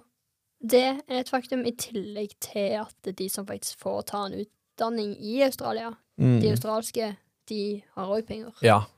Jeg mener at uh, når du kommer fra utlandet, så betaler du fire ganger mer enn en australier for et semester. Okay. Ja, Så, så de det- betaler 90 løp fire, liksom? Ja. Mm. Det er fremdeles ganske dyrt. Ja. Uh, I hvert fall hvis du kommer fra en familie hvor de stjeler pengene dine. Liksom. ja, ja, Det er jo helt minst- drøyt, uh, den historien, liksom. Så jeg snakka med han sjefen min, og jeg bare Jeg 'Veit du at hun er liksom blir De tar alle pengene hennes og sånn. Jeg var ganske god kompis med han som jobba der, han Ja. sjefen. Han bare 'Ja, ja, jeg skal um, Han reiste rundt da og skrudde berg-og-dal-bane. Mm. Så han skulle ta henne med seg da, til neste by. Men uh, det var på Da måtte hun uh, si opp all kontakten med familien sin. Om han skulle gjøre det, da. Så jeg vet ikke hva som skjedde der. Men uh, det var litt sånn cliffhanger, da. Herregud, Men jeg håper det går bra med litt sketchy. Han bare, ja, jeg tar den med meg. Jeg. Ja, ja, ja. Men Nei, men det, han var god i- Han var sånn cirka OK pluss i hodet. Så Ja. OK, jeg gir meg. Nei, men jeg tenkte jo litt på sånn der når du Altså, var du ikke litt bekymra før du dro ned, og, og liksom Ja. Det er, jo, det er jo noe man tenker litt igjennom før man bare drar, da. Ja Jeg tenkte Du tenker sjø? Jeg tenker det er greit, det. ja. Så hva, hva var det jeg var bekymra for? Uh, ingenting. Altså, jeg går ned dit uh, Og kanskje skolen skulle være ganske vanskelig, men det viste seg å, å gå helt fint. Så det var ingen, ingen bekymringer. Så var jeg mest eh, gleda meg skikkelig mye, liksom. Så Det hadde ikke noe å si om jeg dro aleine, eller om jeg dro med noen. Det hadde Men det ingenting å er si for min del. veldig fint med deg. Um, at du tør å liksom gjøre ting uten å Uavhengig av hva alle andre gjør, da. Det syns jeg er veldig fint. Ja, ja jeg, tror, jeg tror det er mest av Det er sånn jeg liker veldig godt å gjøre det jeg vil, da. Mhm. Så Men jeg er veldig glad for at det på utveksling. Ja. Mm. Så um, håper ikke det har blitt for dyrt, da. Det er Nei, veldig nå- synd at hvis det skal liksom ødelegge sjansen Det er jo litt sånn, Man kan jo si da at folk som har dårlig råd her i Norge, ikke får lov til å dra på utveksling. Mer eller mindre, da. For de, de har ikke råd. Og eh, ja, det er jo litt synd, det òg, da. Det er det, altså, igjen, vi òg har jo et klasseskille. Det Ja, er jo gjerne, ok, Hvis man sier Hvordan er det her ute på CV-en, da? For du får jo høre at en som har dratt på utveksling, kontra en som ikke har dratt, blir Mm. gjerne ansatt. Ikke sant? ja det, det jeg la merke til, er at hvis, eh, hvis du snakker med noen på intervju som også har vært på utveksling, Mm. så er det liksom Det er ti plusspoeng i boka, liksom. Ja, for da spiller du på det og kan snakke om Ja, det, liksom. helt, helt sant. Fordi til syvende og sist så er vi alle bare mennesker, så du kommer langt med å være, være en god gutt, skulle jeg si. Ja, det, det intervjuet jeg hadde på Shell, for, for det internshipet jeg fikk der Vi snakka jo ikke om noe faglig i det hele tatt. Vi snakka om at jeg likte å surfe, liksom. Mm. Sant. Så det, det Ja. Men igjen, da, for å ta videre på det poenget, så er det Mm. sånn at eh, hvis det ser bra ut på CV-en at du har vært på utveksling, og du har penger til å kunne gjøre det i utgangspunktet, ja. så tjener du gjerne mer penger fordi du får jobben, og ja, sant. Så det, det på en måte blir en sånn snøballeffekt, da. mm. Ja. Jeg håper ikke det er sånn, men ehm, Nei, men det eh, er liksom sånn Jeg var på en sånn presentasjon her med US da når de skulle reklamere om utveksling, og da tok de fram det her at de hører historier om at eh, folk som har dratt på utveksling, gjerne blir valgt over folk som ikke har dratt. ja. Iallfall hvis det er det det står mellom. At- Ja, det, det, kanskje for bedriftens skyld, da, hvis eh, det er en bedrift som har mange forskjellige kulturer på arbeidsplassen, så Mm. kan det på en måte være en liten sånn eh, han, han eller henne klarer fint å være med andre kulturer. Mm. Det er jo helt sant. Fordi den personen har vært på utveksling. Og så vil jeg også tro Du spurte meg om jeg kunne tenkt meg å jobbe utenlands og sånt. Jeg vil også tro Hvis du først har overgått den dørstokkmila med å bo et annet sted, så er det også lettere å sende deg av gårde. Ja, Sånn, Så det viser jo til at du er fleksibel. ja sant. Ja. Mhm. ja, men det er, det er et godt poeng at eh, måte de som på en måte har penger til det, får lov til å bevise seg. Mhm. Mens de, de som ikke har råd, de, de må Ja, det er veldig synd, da. Mm. Mm. Jeg har ikke tenkt på det på den måten før. Og en annen ting også er jo sånn sommerjobb. Hvis Ja. man skal det For eksempel i Australia så begynner jo semesteret i juli. Ja, sant. Så hvis du skal på utveksling, så blir det ikke noe sommerjobb. Det blir ikke noe inntekt den sommeren. Nei. Så Og ikke minst, folk tenker jo også på det her med CV-en. Fordi det er jo bra å starte og liksom få en fot inn forbi bedriften og sånt. Så tar Ja. man gjerne sommerjobb og søker på det. Hva, hva skal man, hvordan skal man på en måte finne ut av hva som er best, eller hva jeg skal si? Ja, det øh, Jeg hadde ikke mulighet til å ta noe internships det året jeg dro på, um, til Australia. Så um, jeg måtte ikke ta det valget, da. Nei. Og jeg vet ikke hva jeg hadde valgt. Hvis jeg, spørs hva jeg ville ville mest. Jeg tror det er viktigere for meg å, å, å ha dratt til Australia Mm. enn å, enn å ha tatt et internship. Men da føler jeg på en måte konklusjonen her blir litt sånn Man må bare kjenne på hva man sjøl vil aller Ja. helst. Skikkelig. Og så tror jeg på måte På samme måte som at det er litt for mye fokus på gode karakterer, at man Mm. må òg tenke på Ikke bare tenk på CV-en. For eksempel, ikke bare ta på et verv hvis du egentlig hater det, men det skal bare se bra Ja. ut på CV-en. Men sånn seriøst, for jeg Ja, det tenker er, helt- sånn det er veldig viktig. ja, for jeg tenker Grunnen til det ser bra ut på CV-en, er fordi det sier noe om deg som person. Men hvis du ikke kan leve opp til det Si at du for eksempel sa 'Å, jeg var leder for det her', og så du Ja. hater du livet ditt, liksom. Men Mm. folk tenker 'Å, du har denne kvaliteten, da kan vi sette deg til å gjøre det'. Og så blir du satt til å gjøre det, og så er du sånn Hva søren? Ja. Nei, det, det er helt sant. Mm. Og så, ja, det, det kan man ta videre og si at eh, man, man har noe på CV-en, men man kan si at liksom Det var en engangsting, holdt jeg på å si, da, men jeg lærte veldig mye når jeg gjorde det, om meg Mm. selv og om rollen, at det, det er egentlig ikke noe jeg ønsker. Men Mm. eh, det kan man kanskje ta med på intervju eller noe sånt. Da, Ja, da tror jeg man eh, blir godt likt. det tenker jeg òg. Ja, For det handler ikke om å framstå som om man er perfekt, for det er ingen av oss. ja sant. Og det er noe med å være åpen og ærlig, fordi en rekruter er jo bare ute til å finne ut av hvordan kan vi utnytte deg på best mulig måte. Ja, Han skal finne perfekte plassen til deg? Ja, og hvordan kan du trives? Ja. Det går jo hånd i hånd. Altså, har du det bra, så gjør du det bra. Mm. Ja, nei, jeg, jeg hørte nylig et uttrykk som 'personality hire'. Har du hørt det før? Nei? Det er eh, Jeg tror det bare er tull, altså. Men at du blir ansatt bare fordi du er en good guy. så Men de det er høres jo veldig Som sagt, vi er jo bare mennesker. Ja, at liksom eh, I guess HR da ville sagt sånn ah, vi trenger en eh, mo moralboost på den avdelinga her. Ja, men faktisk. Så ansett noen som bare tar med god stemning, liksom. det tror jeg er sånn post hvor noen bare sånn har litt sånn selvinnsikt og bare Ja, jeg er en eh, personality hire. jeg kan ingenting. Jeg, er bare, jeg er bare for å spre god stemning. ja. Men det er sykt viktig. For Ah, ja, eh, positivitet, altså negativitet, det er sykt hvordan det sprer seg. Og bare sånn, Det er jo snakk om det her med at hvis du eksempel leser en stygg kommentar, så sitter den mye mer enn Mm. alle de gode. Ja. Og det er litt sånn som med negativitet, da, at når det først er mye negativitet rundt om og går, så smitter det mye mer enn positivitet. ja, skikkelig. Ja, men det arbeidsmiljø har alt å si. Hvis Mm. eh, Du kan ikke gå til en jobb du ikke trives på. Det, det varer jo ikke lenger enn et Nei. halvt år, tror jeg. Det, det er kanskje litt lenge, det òg. Men eh, alle har jo jobba et sted hvor man er sånn faen, dette suger, liksom. Altså, blir man, der blir man ikke lenge, liksom. Eh, eller ja. Det, og det er litt eh, tilbake til den derre Da vil man jo kunne ha råd da, til å velge noe annet, eller eh, Mm. ja, ditt og datt. Men det er jo derfor det lønner seg å stå på, Fordi da har du flere valgmuligheter. Ja, sant. Så um, Og så tenker Ja. jeg jo litt sånn denne Jeg liker jo å kalle det for lykkeparadokset. Vi er veldig late, men Mm. det er det å strebe og å utvikle seg som gjør oss lykkelige. Så istedenfor å tenke gjør minst mulig for mest mulig utbytte, tenk hvordan kan jeg gjøre noe som jeg syns er gøy og vil utforske, mm, og bli bedre? Og Ja. gå fortsette med det, da.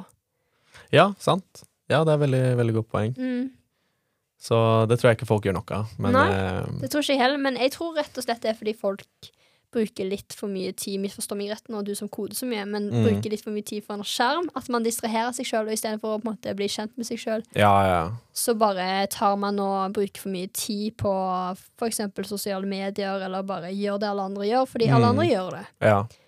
ja, nei, jeg prøver å, prøver å utfordre liksom mine nærmeste da, til å gjøre, gjøre sin passion. da. Mm. Sånn, ok, hva er det du liker? Og så prøve å grave litt og si sånn, ja, har du vurdert liksom hvis, eh, hvis noen liker klatring, kunne du vurdert å liksom selge noe sånn klatregreier? Lage en liten butikk for det, eller eh, et eller annet sånne ting, eller eh, Ja, rett og slett prøve å utforske litt hva, hva man faktisk brenner litt for å holde på med, da. Det er så, Så- utrolig viktig, og jeg tenker det er prime time. Ja, Fordi man hører jo man utdanner seg hele livet, altså, at man aldri stopper å lære. Selv Ja. folk som er ansatte ute i arbeidslivet, må gjerne tilbake igjen på skolebenken. Og det er ikke Mm. downgrade.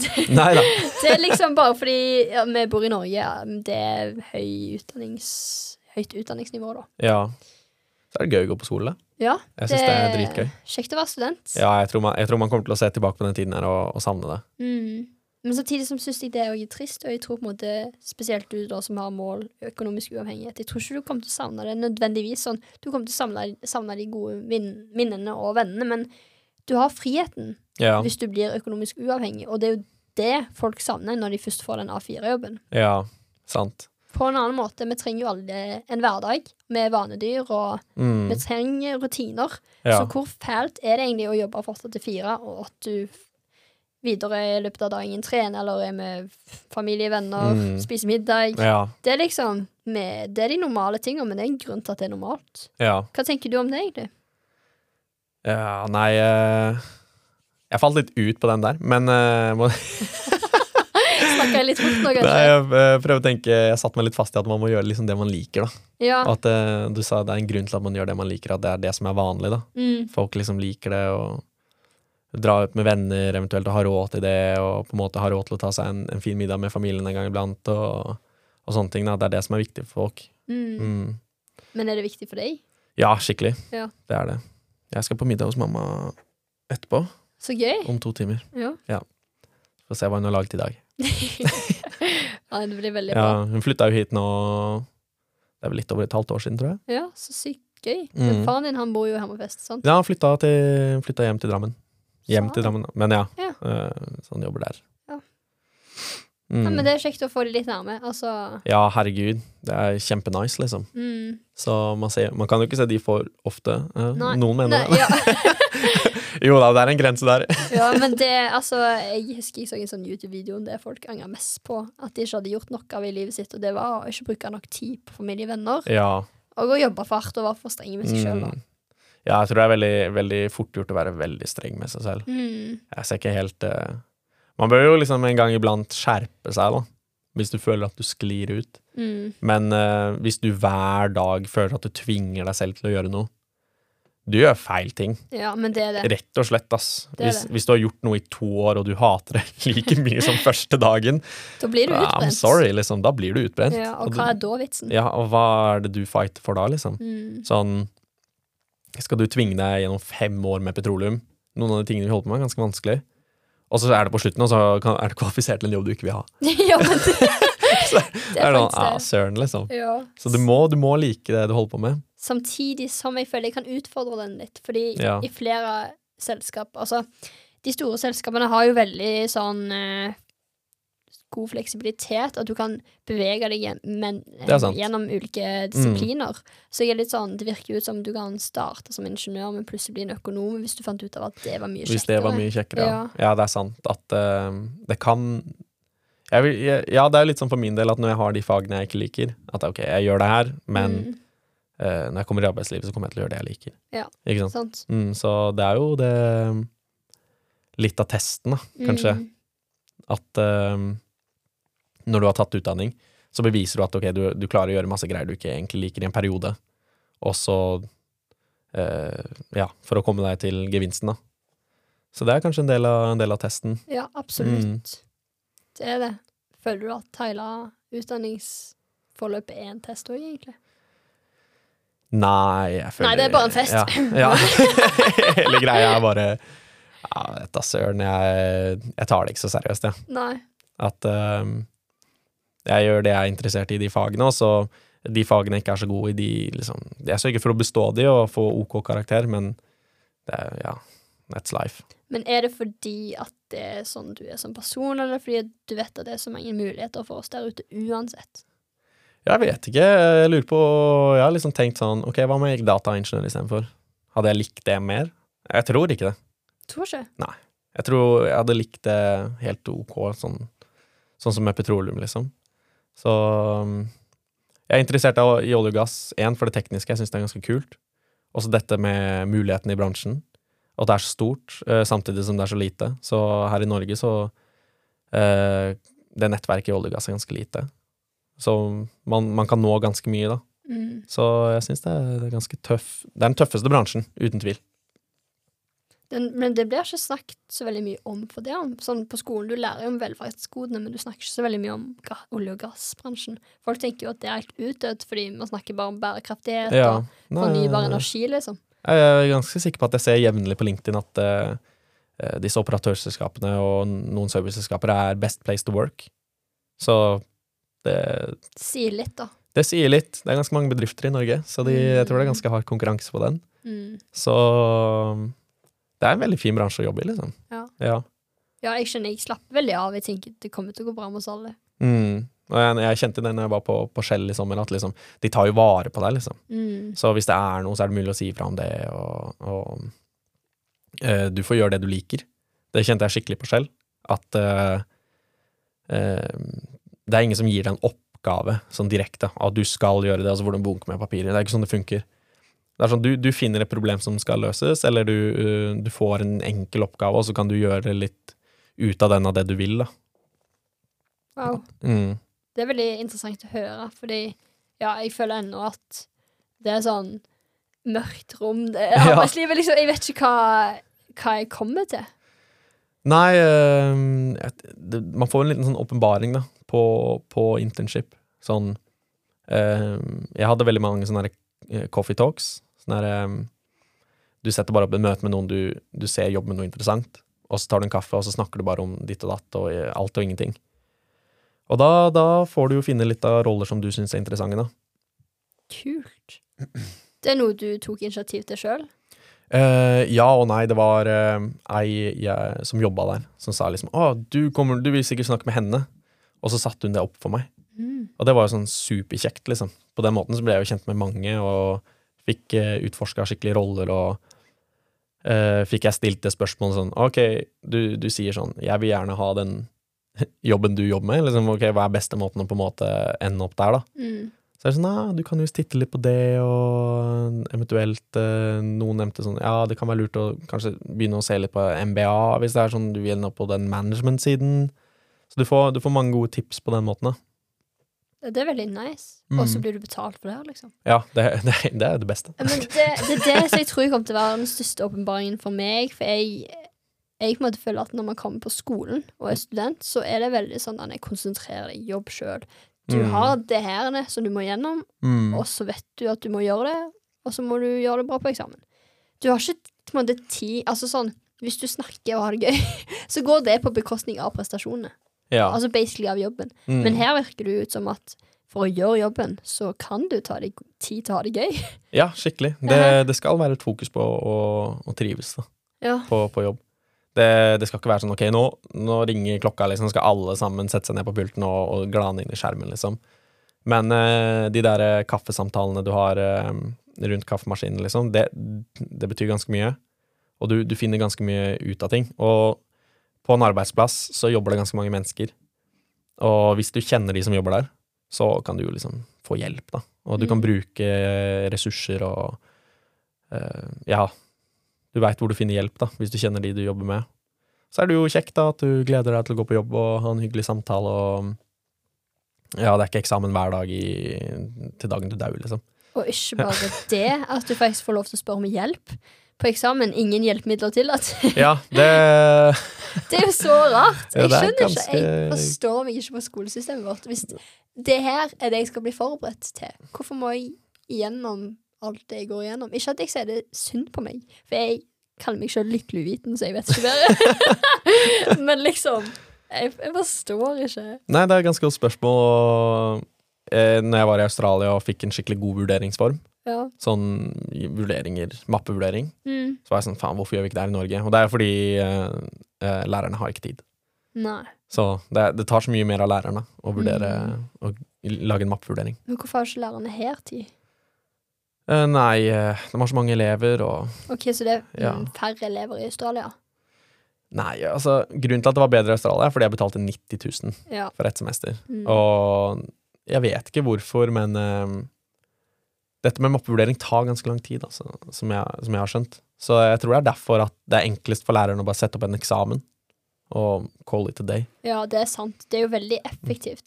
Og jeg har ikke egentlig noe bedre løsning sjøl, med tanke på at det er så ressurskrevende, da. Ja, fordi um, i Ind 650, entreprenørskap, så, så har vi Vi har ikke noe eksamen der. Da leverte vi en video, og vi leverte tre rapporter Mm. og en video.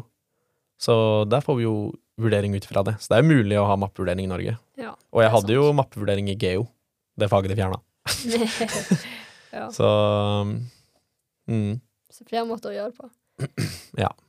Men eh, kunne du tenkt deg å Altså, hva er det på en måte du nå jobber for? Du tar denne masteren. Hva er det du håper på å oppnå? eh, bli boreingeniør. Ja. Eh, og jobbe i utlandet Mm. hadde vært veldig, veldig kjekt. Farta litt, eller et spesifikt sted? Fart, fart litt hadde vært det Mm. beste, men eh, hvis jeg kunne endt opp i, i, i, i Texas, så hadde det vært eh, helt supert. Ok, Du vil bo der? Ja, jeg kunne fint tenkt meg å prøve det. Mm. Så eh, ende opp i USA. Jeg hadde ikke noe, hatt noe imot å jobbe i Midtøsten heller, for den saks skyld. Men det, det er nok ikke det jeg hadde liksom ville levd. Eh, men eh, Australia er umulig, Asia Jeg er veldig fascinert av Asia. Og ja, har veldig lyst til å dra dit òg. Så um, Men ja, i, i første omgang så er det å bli boreingeniør og jobbe litt i Norge i noen år. Og så bygges opp nok kunnskap til at du er verdt noe der du drar i utlandet. da. De eh, ja, sender jo ikke en fersking Nei, nei, rundt sant. omkring. Så Er det et spesielt selskap du vil jobbe i, eller? nei, egentlig ikke. um, Jeg var jo Shell i sommer. Jeg syns Mm. Shell er helt prima.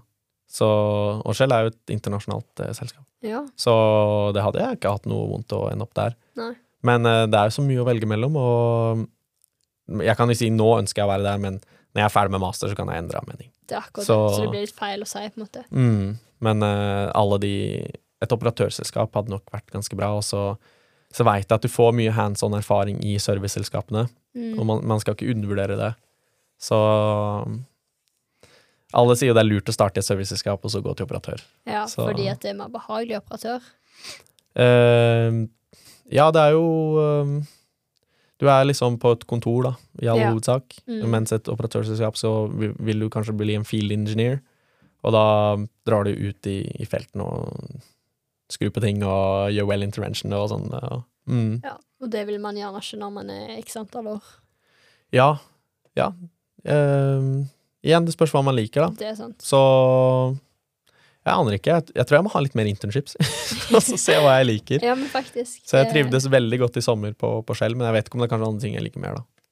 Man vet ikke før man har prøvd. Ja. Men det er for det er veldig Jeg tror veldig mange kan få mye ut av eh, alt du har sagt til nå, iallfall. hvert fall. jeg kjenner sjøl at det alltid er veldig fint å snakke med deg, fordi jeg føler alltid du Du har mange gode tips å komme med, og du bryr deg jo om å meddele òg. ja, det er viktig. Mm. Så det er som du sier, man veit jo ingenting. Og jeg hadde jo den luksusen at um, når jeg begynte på universitetet før covid, så kunne jeg snakke med de som gikk uh, årene før meg. Fordi du hadde brekker, liksom? Ja. Ja, sant. Så jeg visste med en gang hva alle gjorde, liksom. Ja. Så jeg visste hva som var vanlig å gjøre. Mm. Så um, det er sånn, ok, det er liksom, ok, det er mine options, da, på en måte. Men da, hvis du mister den kommunikasjonen, så er det litt sånn, da går du litt i blinde. Så man må, vi må være flinke på å liksom dele muligheter, og hvis man ser en, eh, en kul stilling, og så er det sånn, ja, jeg kan ikke søke på det, men jeg kjenner noen som kan det, og så deler du den, og Men det er liksom veldig Jeg føler Iallfall blant jenter. Jeg vet ikke om det Ja. er så veldig mye normalt å gjøre det da. At jenter kan være litt mer sånn at du vil ikke dele en stilling, Nei. fordi eh, da Da kanskje Hvis de ikke kan få den, da skal ingen få den. Ja, sant. Og eh, jeg har jo vært borti det at folk ikke deler stillinger, for de er redd for konkurranse. Ja. Så er det, sånn, det er jo det dummeste jeg har hørt. Men eh, Men det er veldig bra tankegang, men jeg føler det òg uvanlig. For folk Jeg vet ikke, jeg er redde for Jeg vet ikke hva det er. Ikke, ikke jeg heller. Eh, det er sånn Man er jo venner, liksom, så man Mm. vil jo uansett hvem som får jobben, eller eh, Det er ikke sikkert man hadde fått jobben uansett. Nei, nei, Så- Man må være glad på hverandres vegne, da. ja, det, det er viktig. Det er det. Og der tror jeg du kommer veldig langt, Fordi når du er et bra menneske, så vil jo folk ha noe med deg å gjøre, og da får du bare mer muligheter. Ja, sant. Så, gi og gi. Det er jo ja. det det handler om. Man, man skal jo trives, liksom. Mm. Nei, Mm. det sosiale har alt å si. Og, Ja, skikkelig. ja. og networking òg. Mm. Og så Du har jo hatt han der Espen på. Ja. Og han er jo også sånn eh, litt forløper til de som er litt introverte og kanskje ikke er på den sosiale. Og det, det er så viktig beskjed, det òg, at man er liksom klar over at Det sant. de, de folka fins òg, liksom. ja, Ja, absolutt. At man ikke lar skal- eh, ekstroverte bare trampe over Nei, men det er veldig sant. Ja. sant. Så det kan jo bli oppfatta litt sånn om at vi nå sier networking og Mm. Ja, hvis ikke kommer du ikke gjennom, men det, ja. det er en Mm. plass for alle. Ja, det er det, altså. Og han er jo ekspert på de greiene der at et lag trenger liksom alle, Mm. ikke sant? Men det er helt sant. mm. Det hadde ikke nytta at alle likte å snakke mye. Alle bare skal fable i kjeften på hverandre. Det Jeg tror ikke du kunne plassert så veldig mange av meg i et klasserom. Når det er mindre klasserom, i hvert fall, for jeg blir veldig engasjert og rekker opp hånda mye og sånn. Nei, men det er alltid bra engasjement. Ja, altså, jeg Mm. tenker folk tjener jo mye på at jeg stiller spørsmål. Ja, herregud. Og jeg kjenner jo sjøl på det, og så syns jeg Ja, jeg vet ikke, det bare Mm. faller meg veldig naturlig, da. Ja, jeg syns det er nice når noen stiller mye spørsmål i timen. Mm. Det er jo sånn, ok, Jeg visste ikke engang at jeg lurte på det her. Sant? Det er akkurat det. Mm. Men eh, nå tror jeg nesten vi må runde av. Har du noen siste ord, eller? Uh, nei. Hvor lenge har vi prata? En time og 23 minutter. Så bra. Ja. Nei, det var mye bra i dag, så Ja. takk for praten, Aksel. Ja, jeg ble veldig glad når du inviterte meg. Det var veldig skitt, du ville hyggelig å komme. komme. Og... Ja, ja, hallo. Vi må Rå- sikkert få til det flere ganger. Ja. Når du, når du kommer med litt flere tips, eh, Ja. litt lære mer underveis. ja. Ja, Det er råtøft, det du, det du holder på med her. Tusen takk, Aksel. Men det, det er mye du òg holder på med, så jeg syns det er veldig, veldig bra. Ja, takk. Og ikke minst engasjementet ditt, og det at du er frampå. Ja, nei, det er det som er gøy, syns Ja. jeg. Så. Og jeg håper at flere kan la seg bli litt inspirert av deg, da. Ja, det sånn er jo. De må jo vite at det er mulig, kanskje. Så Det absolutt. Mm. Du har i hvert fall inspirert meg. Det er bra. right.